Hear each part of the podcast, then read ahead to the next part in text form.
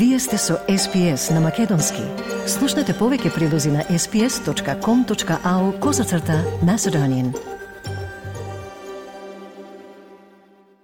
Вчера во Македонија православните верници го славеа големиот празник Богојавление Водици. Празнувањето со света литургија почна во раните утрински часови во Скопје во храмот Рождество на Пресвета Богородица. По завршувањето на литургијата се осветуваше водата во самиот храм, а подоцна и водите во околина на храмот. Родителе, поглас свидетелство ваше Тебе. Амин. Сами сега, Владико, светила вода со тој свет дух. Со литија од храмот верниците се упатија кон мостот Слобода, кој е во непосредна близина, а архиепископот Охридски и Македонски Стефан со завршните зборови Бог се јави, го фрли светиот крст во Вардар и на верниците им пожела да имаат мир и благосостојба. Должни сме постојано да се подсетуваме на даровите од денешниот ден и од денешниот настан, да постојано да бдееме над себе си над своите постапки, над своите мисли, над своите зборови, над своите дела. На овој ден во реките се положува светиот крст, а тој што ќе го фати се верува дека ќе го следи среќа и благослов цела година. Фаќањето на крстот значи соединување на човекот со Христа, а се верува дека со положувањето на крстот водите стануваат лековити. Во централното градско подрачје на Скопје по крстот во Вардар се фрлија околу 130 мина верници, а тој што го фати е Кристијан Ниневски. Бог се да сте живи здрави сите. Не, трет пат го фаќам крстот, се фрлам осми пат.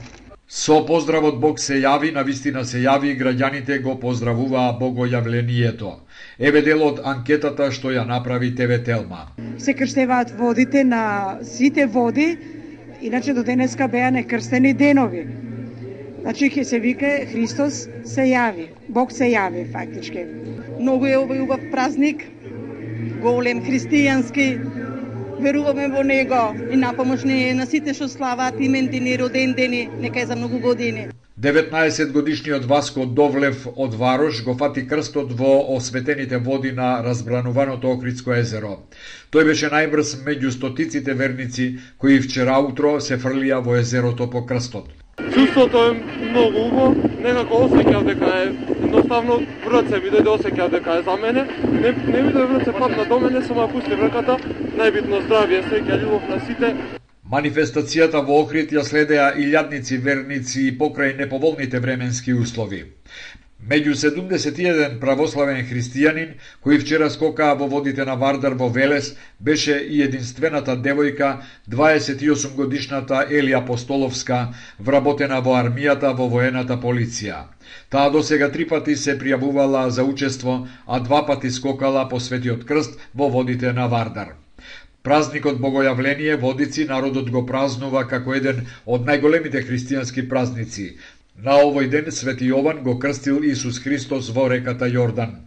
Честитки по повод празникот упатија највисоките представници на власта и лидерот на опозицијата. Председателот Стево Пендаровски во својата честитка посакува, како што вели, символиката на прочистените води да ни биде мотив за духовно прочистување и инспирација за добри дела да негуваме разбирање, слога и човеколюбие, постојано дарувајќи љубов, грижа и внимание. Председателот на собранието Тала Джафери пожела верниците празникот да го дочекаат во добро здравје, во мир, спокој, во семејна благосостојба и напредок, потоа сплотување на мислите, желбите и изразите за заемна почит и разбирање на сите наши граѓани, без оглед на етничката, верската, партиската или поделеноста по секаква друга основа.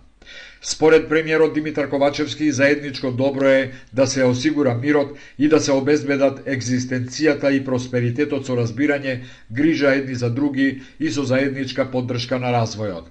Како предизвик и обврска на секој совесен човек, како што наведува Ковачевски во честитката, е за оваа цел да ги вложиме и обединиме нашите стремежи. Лидерот на опозицијата Христијан Мицкоски, кој на вчерашниот празник престојуваше во Охрид, од негово име и од името на ВМРО да ДПМН е на сите православни верници, христијани во земјава и го честита празникот водици. Во изјавата за медиумите тој истакна. На сите православни христијани, не посакам како што е редот здравје, среќа, нели, успех, мир, она што име на сите нас потребно, но и на сите граѓани, се разбира кои што не го слават овој денешен ден, се нашите граѓани во оваа наша Македонија. Дека ни донесе пред се здравје овој ден, да бидеме спокојни и мирни во душата, бидејќи тоа е најважно. Лидерот на Алијансата на албанците Арбен Таравари денеска на средба со американската амбасадорка Анджела Агелер ќе се консултира дали партијата да стане дел од владината коалиција, но конечната одлука ќе биде донесена утре сабота на седницата на Централното председателство на партијата. Тарабари, како што пренесува ТВ Телма, рекол – Најважен интерес на граѓаните е земјата да успее да ги направи уставните измени и да почне преговори со ЕУ.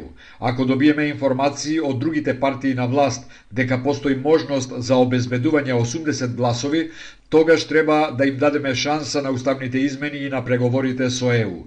Цениме дека со такво мнозинство ќе придонесеме полесно да се убедат и пратениците на ВМРО и целата партија да гласа за уставните измени. Ако нема такви шанси, тогаш не гледаме причина да бидеме дел од власта, вели за Телма председателот на Алијансата на албанците Арбен Таравари.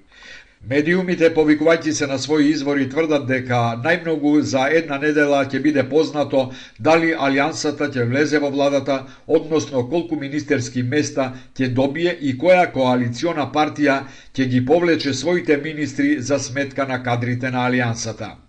Опозицијата обвинува дека власта врши притисок и закана врз пратениците кои посакуваат да има предвремени парламентарни избори. Мицкоски уверува дека пратениците нема да дозволат менување на уставот, а единствениот излез од кризата се предвремени избори. Оние полукриминални групи кои што високото раководство на СДСМ и ДУИ ги контролираат и се дел од македонското подземје, веќе почнуваат да вршат притисок од тие пратеници. Јас сум уверен дека тие ќе останат доследни, бидејќи борбата за Македонија нема цена. СДСМ пак во својата реакција вели дека нема никакви притисоци кон никого и дека нема да има распуштање на собранието. Во соопштението на оваа партија се вели.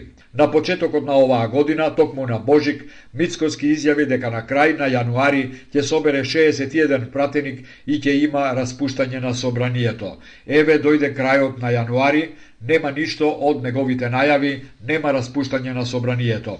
Мицкоски го излажа народот. Ниту има, ниту ќе има распуштање на собранието, ниту пак има притисоци врз пратениците, се вели во реакцијата на владеачката партија. На патот до обезбедување на двотретинското мнозинство, дополнителен проблем за Ковачевски е и партијата Алтернатива на Африм Гаши, кој не отстапува ниту еден од своите ресори. Демократскиот сојуз е против влезот на Алијансата во владата, бидејќи според оваа коалициона партија Тоа е спротивно на Уставот и на Охридскиот договор за правична застапеност, што може да предизвика меѓуетнички проблеми. СДСМ пак неофицијално соопштува дека влезот на Таравари не се очекува пред март, кога ќе почне и процесот за уставните измени. Стиснете, ми се допаѓа, споделете, коментирајте. Следете ја SPS на Македонски на Facebook.